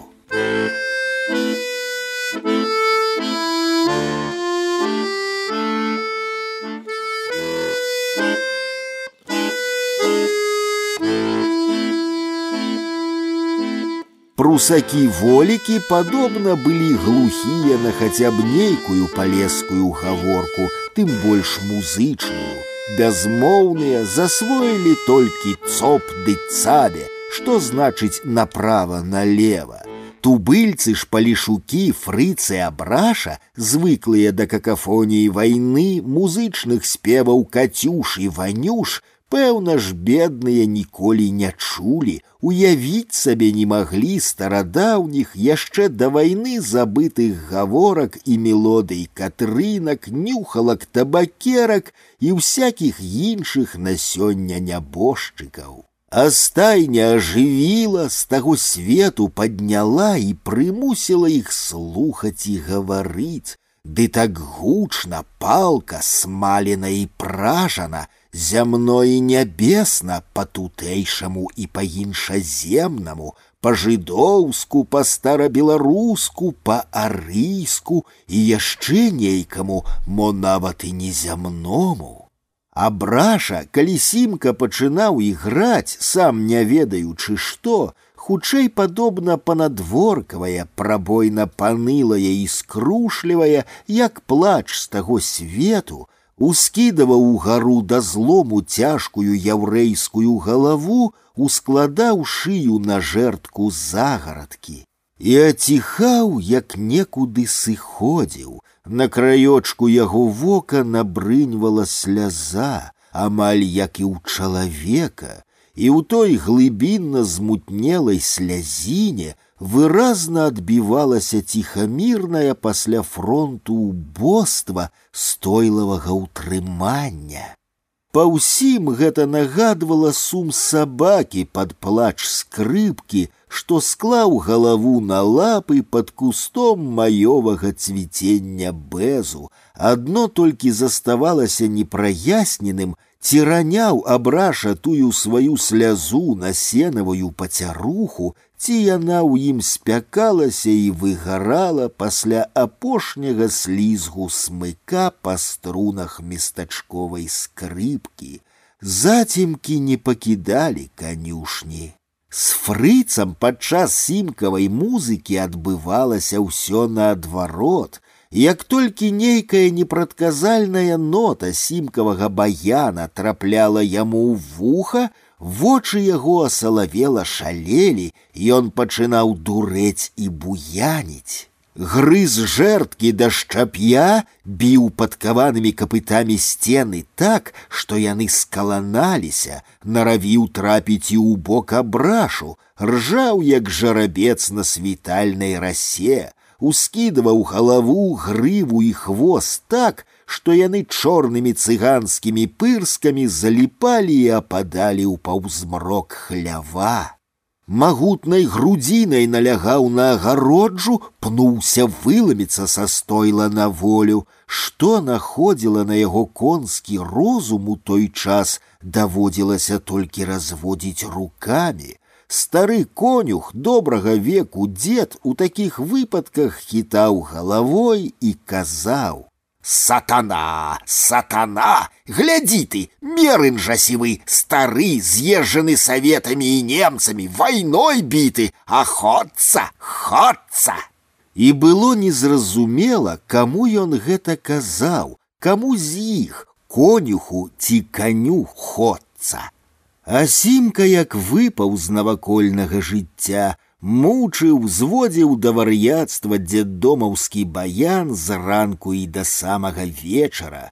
На змярканні толькі выходзіў са стайні, але без баяна, хаця іншым разам пад руку з баяністам. Баян канчаткова пасяліўся на гарышчы стайні ў сене, як птушка ў кубле, а стайня з тае пары пераўтварылася ці не ў музычную вучэльню, Дзённа да сутоння, а то і ў поўным ужо змроку дзёрла глотку то сабачым вальсам, то дзіцячай няўцешнасцю пугачоў, брыдкім драўляным шоргатам дзяргачоў. Часам поўнілася, залівалася чароўнай бесклапотнасцю салаўёў, што ўжо амаль збылі сваё салаўінае лета ж лета, далучыліся цалкам да сямейных вераб'ёў, з якіх і паходзілі, а цяпер пасля атухлай белай радасці цвіцення чаромхі аціхлі, насалоджваючыся прыгажосцю новай пары года, чакаючы вясну. Але салаўіная сцішаная супакойнасць зусім не тычылася сімкі, хаця ён страціў галоснасць, гучнасць прысутнасці сваіх жа равеснікаў і хаўруснікаў, відавочна адбіўся ад іх, адасобіўся, больш не пацяшаў непатрэбшчынай прыпевак, пазбавіўся нават лёгкай звераб'іным падскокам хады, у яго нованабытай ступе ці не кожны крок быў азначаны роздумам, што свяціўся і ў вачах, быў заўважны і ў нечакана ўзніклай запаволенасці рухаў, большую частку свайго дзедомаўскага існавання сімка цяпер бавіў у стайні сярод абыякавых да яго валоў коней маўклівых і хуткіх ластавак якія гнездаваліся ў паўзмроку ў сваёй карункавай ляпніне на сухіх патрэсканых бэльках такіх жа маўклівых іх птушанят, якія яшчэ ў прадчуванні толькі ежы, з'яўлення са змроку, як з таго свету маці, выцягваліся насустрач ёй рухавымі шэрымі шыйкамі, шырока з'явілі жоўценькія роцікі, але ў голас не азываліся, мо баяліся выкрыцца, а мо надта паважалі музыку і музыканта, нястомнага пры баяне. Яго неаднойчы знянацку прыхоплівалі пры ім старэйшыя хлопцы і выхавацелі, сілай выводзілі з хлява, намерваліся адабраць і баян, ад чаго ён вар'яцеў і шалеў, з неверагодным спрытам вызваляўся ад самых учэпістых рук і знікаў, хаваўся пад бокам фрыца ці абрашы, абаронены іх капытамі, Яго упартасць і зацятасць тлумачыліся не толькі адным захапленнем непадпарадкаванага яму яшчэ голасу баяна. Усё было бясспрэчна так, але ў гэтым таксама мелася нешта трохі, а мо і багата чаго іншага, нявыказнага і невытлумачальнага. У дзівосна непрадказальнай патаемнасці баяна, была стоена неверагодная сила, моц, нікім не разгаданыя, але ўсім добра вядомыя і знаёмыя, у тым ліку і яму сімку. Не выключана, ён сам здаўна быў носьбітам, пачынаўся з гэтага неасэнсавана падсвядомага, адмаўляў яму, імкнуўся пазбавіцца і адначасова назаўсёды паяднацца з ім, пераліць сябе ў існавальныя, а мо і неіснавальныя гукі мінулага, будучага, што былі нададзены баяну, гукі, што не толькі шчымліва ўсцешвалі яго, але абуджалі жах і апякалі. Яго адразу ж пасля лазні перасялілі, а хутчэй выгналі з палаты малодшых дзяўчатак у пакой такога ж узросту хлопчыкаў. Ева Адамаўна пераапранула яго ў хлапечае, а пранаха не надта, штонікі, з якіх ён выпадаў замест цукенкі ў гарошак, але ў такі ж гарошак выдала і сарочку, падзівілася на яго пераўтварэнні з серафімы ў серафіма, Пэўна, пераўтварэнне ёй спадабалася, раздобрылася і дала шчотачку на доўгай пластмасавай грудцы са шчэццю, пульхную і пахкую мятай каробачку. Сімка ўжо ведаў, што гэта і навошта, але наўмысна закапылі ў губы і прыкінуўся блазнам. Што гэта і навошта? Зубы чысціць табе. Гэта каб я сабе і зубы начышчаў, я яшчэ здольны начысціць іх і некаму іншаму. Што з цябе возьмеш? Зубы чысцяць сабе, каб у старасці мог і укусіць нешта, як малады сабака. Не сабака, але і ў старасці пакусаю некага, укушу. І укусіў кастылянку, не да крыві, але добра, атрымаў па зубах і быў задаволены, аддзячыў адпомсціў за страту дзявоцкасці і прымусовага пераўвасаблення ў хлопца. Ён ужо звыкся з серафімай, нарачонасцю яе прозвішча, а тут на табе адбылося нешта больш істотнае, чым тое, што прыдаецца і надаецца, прырастае да чалавека разам з імем, падвоенасць і дваістасць, пра якую ў вёсцы здаўна старыя людзі кажуць, тут бабуля надвая гадала, Таму што такое падваенне схавана існуе ў кожным з людзей, не зважаючы на тое ў дадзены момант мужчына ён ці жанчына, што нябачна прыжываецца, спажываецца з малаком маці кожнай істотай, нават жывёльнага паходжання, перадаецца нашчадкам праз вякі, стагоддзі ці не паветрана самой зямлёй, з нябыту яшчэ з часу зацяжаранага наміж нашай сутнасцю, абіральнай і прадвызначанасцю нябёс, блакіты сум якіх вечны, які паўсюль неадольна апакаліптычна яскрава выкрыўся сёння на прасцягу ўсёй планеты, калі жыццё стало ракам, як нікому не дазволена, дзядамі і бацькамі не дазволена нават бохан хлеба пакласці на стол да гары нагамі з карынкай на стол. Кожная зямная істота, Недзе ўсё ж не дагледзеў творца, спатыкнуўшыся на другім, а падобна на першым інстынкце носіць у сабе два пачаткі, пакутуе ад нязбытнасці аднаго з іх.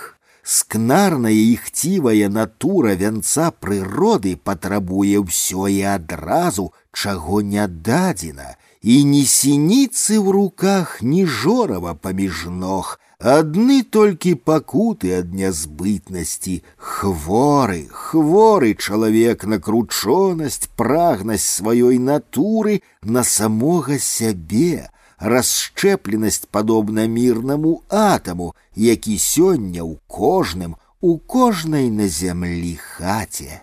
Хворы і сімка толькі зусім не на гэта, хварэе ад цэласнасці, непадзельнасці, немагчымасці разлучацца з тым, што ўжо было, адбылося і магло працягваць быць. Але нечакана, непрадказальна, каб не сказаць гвалтоўна перарвалася. Ён тужліва марнеў ад гэтага, сумаваў абмежава разведзеным мінулым, па дзяўчынках, з якімі спаў у адной палаце, а то і ў адным ложку, па іх паўсядзённай прыроджанай спагадзе і мяккасці, нават па тым, як яны ходзяць па малой патрэбе на двор. Там, у страчаным мінулым дзявоцтве засталіся яго дух і пах, нявінна не асэнсаваны яшчэ лёгкі як подых ветру з-пад галоўкі рамонка ў квеце, хаця часам злёгку праклёўвалася і зусім адрознае ад гэтага, тлумна гаркавае ці не першастворанае яго і іх прабацькамі, сімкі і дзяўчынак, што мімаволі засціла ім вочы, першароднае ўсё існае, папераджальна засцерагальнае абяцанне непазбежнасці заляцання ў цноты і будучай грэшнасці. У хлапечым, хаця яшчэ таксама малалеткавым пакоі трэба было звыкацца з зусім іншым і не толькі знешнім пахамі, духам і дыхам, з інакшай пастаноўкай усёй жыткі, што было не заўсёды прымальна, трохі непамысна, а часам і брыдка, ад смярдзючасці матрацаў шматлікіх пісуноў. Яны пісуны ці дакладней пісухі меліся і ў дзявочай палаце, але меней, ды і пісаліся дзяўчынкі падобна больш стрымана, акуратна, да ўсяго ў хлапечай палаце панаваў дух сілы, ці не кожны шпінгалет імкнуўся ўзяць вярхушку камандзірыца, кулакамі браў верх і яму услугоўвала ўся малеча, так званыя шасцёркі падпявалы, дробныя палатныя сексоты, шакалы, шакаляты і крахаборы.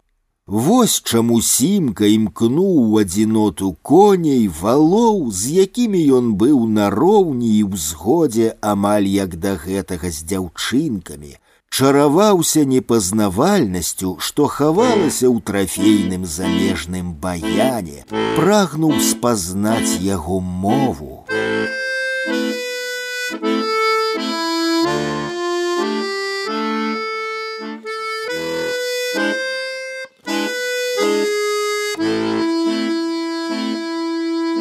да лепшага горшага яго зноў перасялілі з палаты малалетак у палату старэйшых хлопцаў, што стаялі ўжо на мяжы развітання з дзеддомам, змянілі месца жыхарства з-за яго бясконцых выбрыкаў, якія палохалі выхавацеляў. Сыход не толькі ў стайню, немаведама куды, Быў, быў, сядзеў, гаварыў, нагою хістаў і як праз зямлю праваліўся, няма, няма, хаця знешне ёсць, толькі не мы, нерухомы, не відушча ці не на той свет уталопіўся вачыма, маўчыць і не кратаецца, хоць пальцам тыкай, хоць кол на галаве чашы, здранцвеласць як у нябожчыка касцяная выпручаная і гэта ў дзень пры сонцы а што ўначы творыцца Яго палічылі за дурыка, а больш за лунаціка.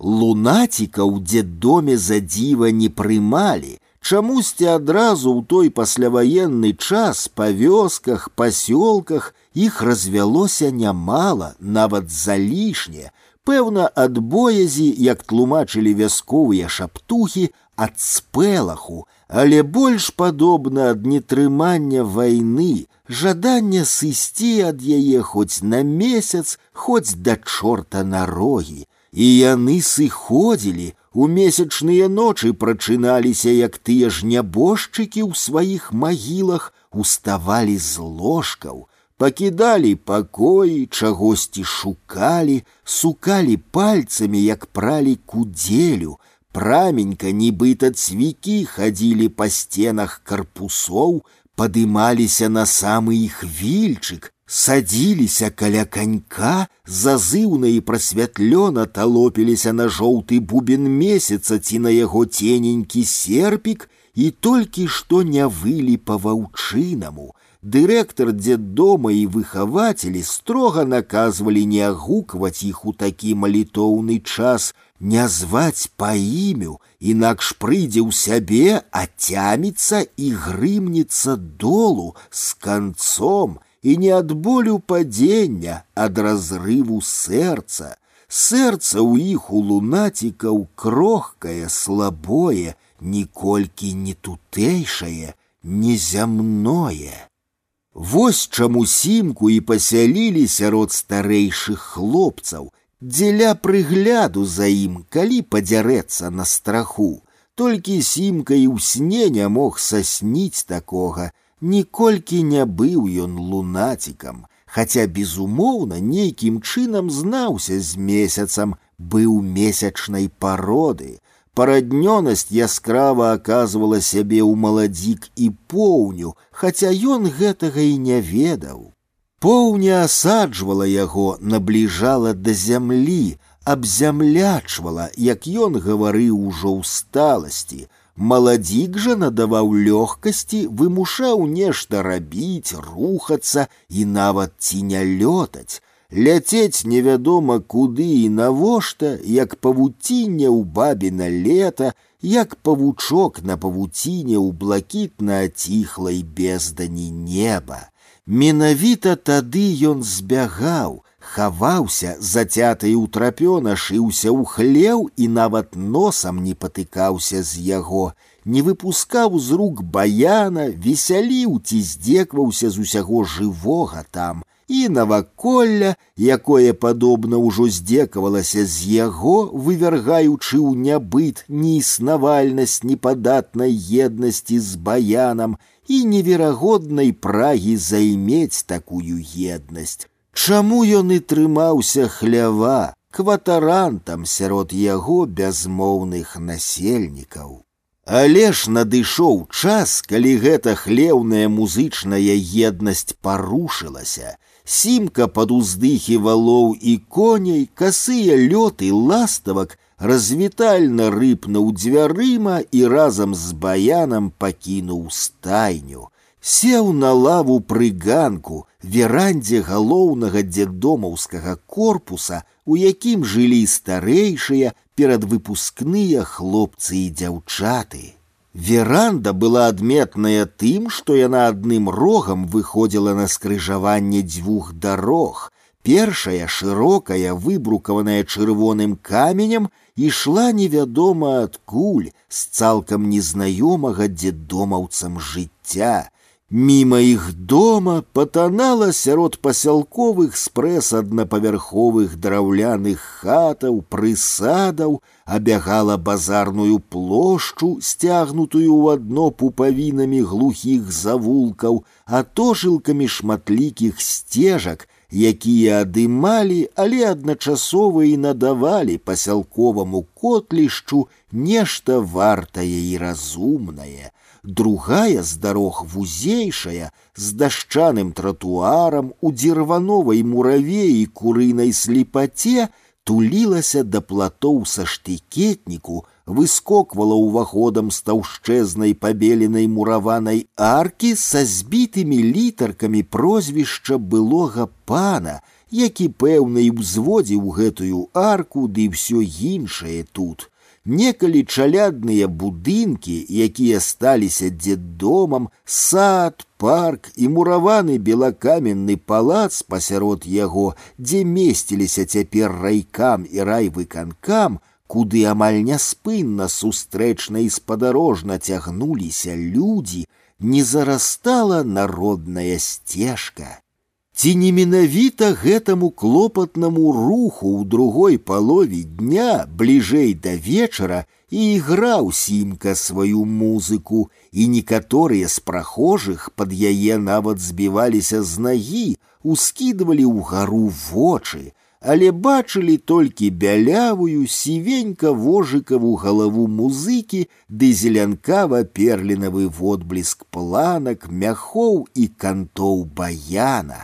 Сам жа баяніст, падобна жужаліцы, хаваўся, засланёны ім ні на каго і ні на што не звяртаў увагі, як яго і не існавала, што было бясконца ўдавана, падманна, як у сапраўдных музык, што ігралі не толькі сабе, а і слухачам. Сімка быў яшчэ далёкі ад такога ўмельства, што ўсё ж часцей і больш надае сам інструмент, але мімаволі адрачона чуйна прыслухоўваўся нават да перакліку вечаровых цвыркуноў, а больш да самога сябе, да дрыготкага, мо нават не заўсёды адчувальнага ім растваральнага ў светлай смузе лета рэха сваёй музыкі, далёкі розгалас самога сябе пад сонцам, небам, у свете, а мо і сусвеце. Пальцы самі сабой з ціхім шолахам ападаючага з дрэў сохлага ліста, шамаценнем і сокатам гадзюкі, што адпаўзае ў восеньскія жухлаватыя ўжо асокі, плылі, бегалі па каляровых пстрычках гузіках баяна. Хутенька імгненна з неўспрымальным на вуха пошчакам яшчаркі, што ў ліхую хвіліну на бугры выспе жвіру, адкідвае смарагдава вёрсткі хвост, імгненна знаходзілі і націскалі адзін адзіны гук усхліп, стогн, плач, захлынальна вітаў і славіў лязовую пяшчоту сонечнага праменя прабеглы летні ветрык. Бласлаўлялі і хутенька хутенька беглі далей, нябачна воку, беспамылкова, як сараканожка размяркоўвае свае ногі па зямлі ці па лісці бярозы, вольхі, таполі, не дазваляючы ім спыніцца і стаць спажывай шпаку, дразду, вераб'ю.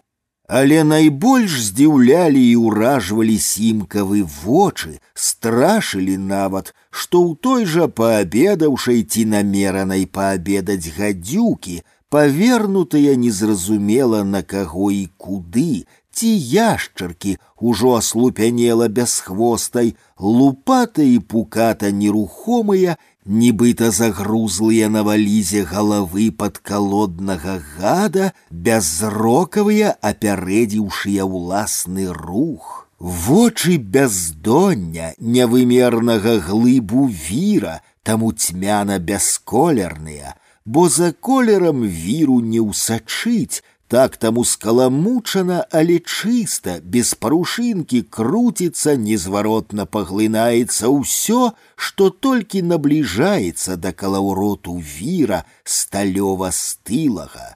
Гэта было ніколькі не ўласціва сімку пры яго неверагоднай яшчэ зранку ртуцівай рухавасці, нібыта жывога чорціка з цвіком у адным месцы. Але як ні дзіўна, у гэтай самазгубнай, самазнішчальнай растваральнасці да непрытомнай страты сябе, у ім увесь час ёрзала ці нават зводзіла з глузду неадчэпная думка, шкадаванне невядома каго і чаго, такі ж няпэўны смутак і адчування ўласнай непаўнавартасці, непаўнавартасці з таго часу, калі ён перастаў быць серафімкай, пачаў звацца лічыцца серафімам. З дзяўчынкі ператварыўся ў хлопца. З гэтай перакуленасцю ён усё ж нешта страціў, назаўсёды згубіў, схібіў і некаму здрадзіў, мо той жа, што ўжо зжылася з ім, як аказалася, неіснавальнай серафімцы. Не, ён ніколькі не супраць быць серафімам, ды толькі адрынутую серафімку шкада. Вось яна ў чым вінаватая, Справа была ў ім і яшчэ ў некім нябачным і неапазнаным. Не, нешта зусім не па-людску на зямлі ці на небе. Няправільна ўсё ж створана жыццё на белым свеце нейкім невядомым яму, пра каго ён і думаць не дазваляў сабе, яшчэ да дзедому, будучы серафімай, баяўся, а цяпер вось стаў серафімам асмялеў, хаця і не асэнсавана падсвядома дзяліўся з баянам, спавядаўся аднаму толькі яму, Таму што яму баяну можна, можна ўсё, чаго ён сімка да сённяшняга дня баіцца, душыць у сабе, гоніць прэч. Хоча застацца жывым, Усім жа іншым нават здалёку пра гэта не чуць не ведаць забаронена, як і ён не пагаджаецца, змагаецца са сваім веданнем, доўга адмаўляў яму нават прабліснуць у сабе, але яно гналася і гналася за ім, сімкам і серафімкай, і, здаецца, дагнала, гвалтам змусіла прызнаць было было тое чаго не можа быць нідзе і ніколі што па-за жыццём і па-за чалавекам па-за ім сімкам і серафімкай нават па-за баянам хаця баянам гэта ўжо даўно зведана Зведана, хаўтурна жалобна, вясельна шлюбна асвячона і агалошана ўсяму свету, нараджэнне, паміранне і ўсё праз кроў, пакуты, боль, агонь, крык.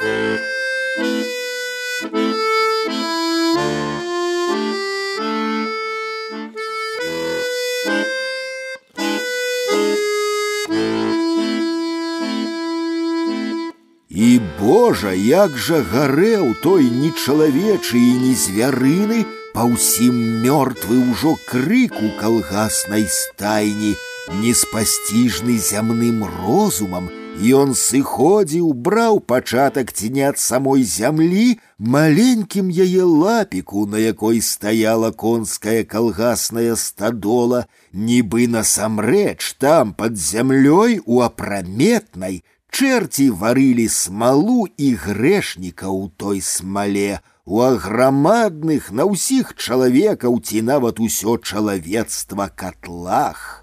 Агонь под імі праведна набрыніваў кроўю, браўся чырванню жывога і раз'юшанага жару, ад чаго зямная смала буркліва, сярдзіта і смердна ўскіпала, бралася бурбалкамі, скавытала і лопалася. Сама зямля не вытрымлівала, гарачкава трэскалася і развярзалася, гулка самазабойна выбухова біла ў грудзі і ў лонне сама сябе адмаўляла сабе ў адвечным працягу свядомасці, заканчвалася паглынальнай крывавай чырванню нябыту знішчэннем агнём, галашэннем, крыкам, енкам і стогнам спалоханага полымя, Чалавечы жывы крык гарэў сінім рдзяным полымем, накінутым пад гарлянку неба спуджаным ахвосцем, ламанымі рагамі сцягоў, штандараў,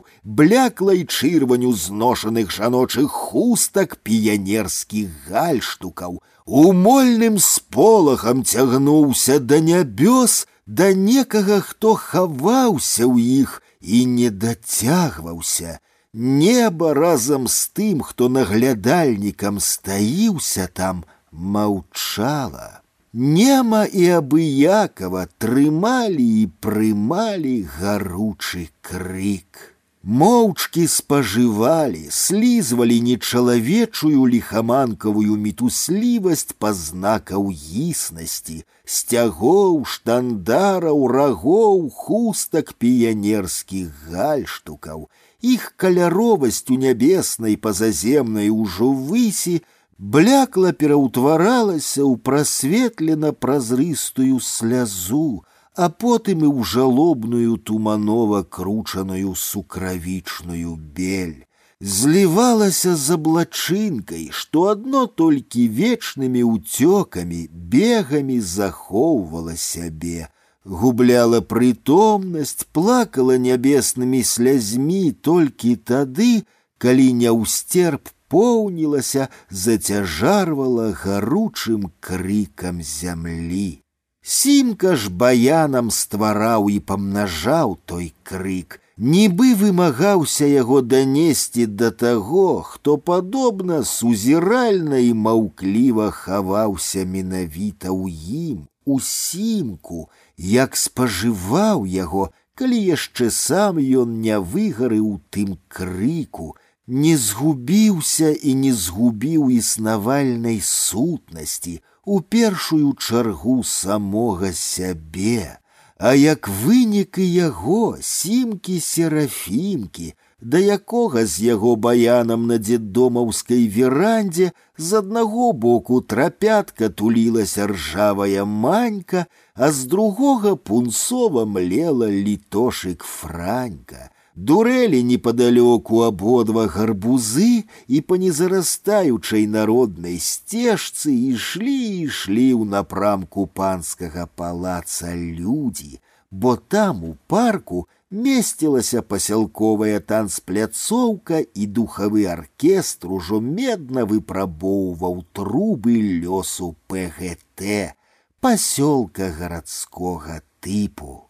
А з другога боку корпуса, дзе месціўся склад, у паўзмроку яго скарбаў сярод спакуслівых пахаў свежага хлеба і пернікаў, цукерак падушачак нянаскага паху цукерак соевых і шакаладных, у каляровай і водарнай нават на пагляд папяровай абгорцы у фантиках, адмерла скураным подыху абутку і сарамлівым павеве баваўнянай і ваўняная праткі, як у згушчаным сухім лупінні тулілася да стала кастэлянка. Слухала баян, слухала ўсім сваім мажным целам, што часам дрыготка страпяналася, цякла, падобна млела, тварам, на якім у дзве каляінкі прабягалі сляды высохлых ручаінак, а вочы заценена хаваліся пад вільготнымі вейкамі, асабліва калі яе позірк датыкаўся да хлопчыка, які стоена застыў на падлозе наводдаль ад стала, дзіўнаватага нават на пагляд хлопчыка ў прымерлым паўзмроку склада. Тварык вочки не без думкі і розуму, але не з тутэйшых, як яны некуды пайшлі, пабеглі, і ішлі, беглі і ніяк не маглі дасягнуць гэтага некуды, не жадалі вярнуцца і назад. Хлопчык аказаўся нібыта закаркаваным сам у сабе, пазбаўлены часу, месца, маці і гэтага свету, у самоце сваёй журбы, тугі, што ледзь-ледзь цьмяна прабіваліся вонкі з напаўпатушанага бляску маларухомых, амаль нерухомых, засяроджаных у неабсяжнасці, нікому нябачных далягляда ўзрэнак вачэй, не прабіў на далёкіх замглёных светаў. Напрыканцы ўсё ж трэба давесці, што сімка ўрэшце рэшт дамогся адказу на пытанне аб вытоку і ўтоку, ці адкуль і куды, з вытоку ва ўток, адтуль і сюды, як усё існае і сутнае на нашым белым белым свеце. Увосень ён разам з гарбузамі, франькай літошык і манькай ржавай закопвалі ў стайні яблыкі, каб яны захаваліся да новага году. Яблыкі з колішняга панскага, а цяпер іх дзедомаўскага саду, неабыякія антонаўку, хаця былы панскі сад быў багаты на мноства гатункаў яблыкаў, пепенкі, пуцінкі, жытнікі, шлапакі і нават райскія наскрозь чырвоныя, хаця і невялічкія яблычкі, але найлепш трымаліся да новага году антоны старадаўняга мясцовага гатунку, якіх тады яшчэ не звялі наваяўленыя падкаваныя і адукаваныя бальшавізмам дойліды, пераўтваральнікі прыроды, шматлікія мічурыны ды лысенкі. Звялі і палепшылі так, што некалі паўсюдныя і капейкавыя антонаўкі зніклі, як праз зямлю праваліліся і на той свет услед за панамі пайшлі. У дзяржаўных крамах днём з агнём іх не знайсці, а на базары ў прыватніка пяць даляраў за кіло, і гэта калі яшчэ пашанцуе на іх натрапіць. Дык вось, з дазволу і ухвалы абрашы ды фрыца, цоп і цоба, хорошыя хлопцы прыязныя, Сімка са сваім хаўрусам рыхтавалі ў стайні капец пад свае святочныя зімовыя антонаўкі, Хацелі ўжо выслаць дно з бакоў капца жытняй саломай. Антонаўка чамусьці была асабліва схільная да такога ўкрывання, ды сімка спатыкнуўся рукамі ў яме на цэглу. Гэта было няправільна, захаванню антонаўкі камень цэгла бракавалі. Сімка пачаў даставаць цагліну на выкід, але натрапіў на мноства цаглін на мур пачалі яго разбіраць, селі на скляпенне, пячорна даўгі мураваны калідор. Ён пачынаўся аднекуль з панскага палаца, а цяпер райкама і райвыканкама, цягнуў да дзедомаўскага падворку, дзе са сталоўкі цёкам бегла брудная дзедомаўская вада, а тожылкам да яе дадавалася вада з палаца і бегла далей. Праз іх вуліцу інтэрнацыянальную некуды ўжо за пасёлак у калгасныя палі.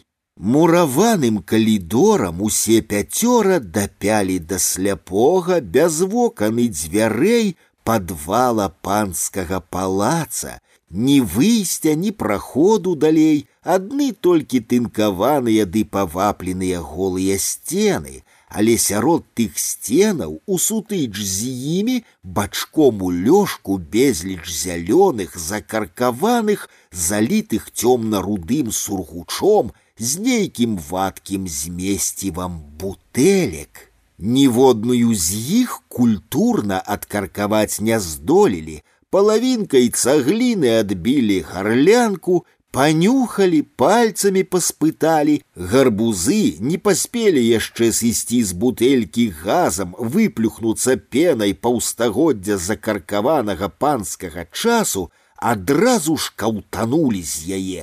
Што з іх возьмеш гарбузы?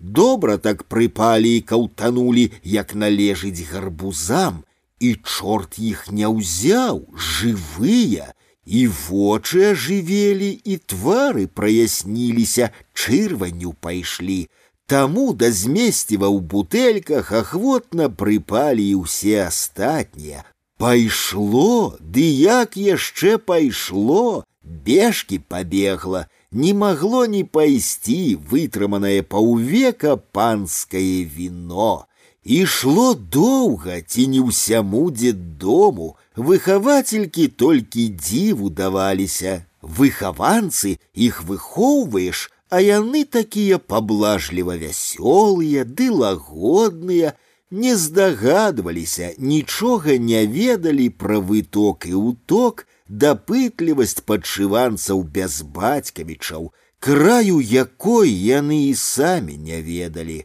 Таму, што прайшлі, ацалелі ў бязмежжы бяскрайнасці, спазналі ўсё пра выток і ўток.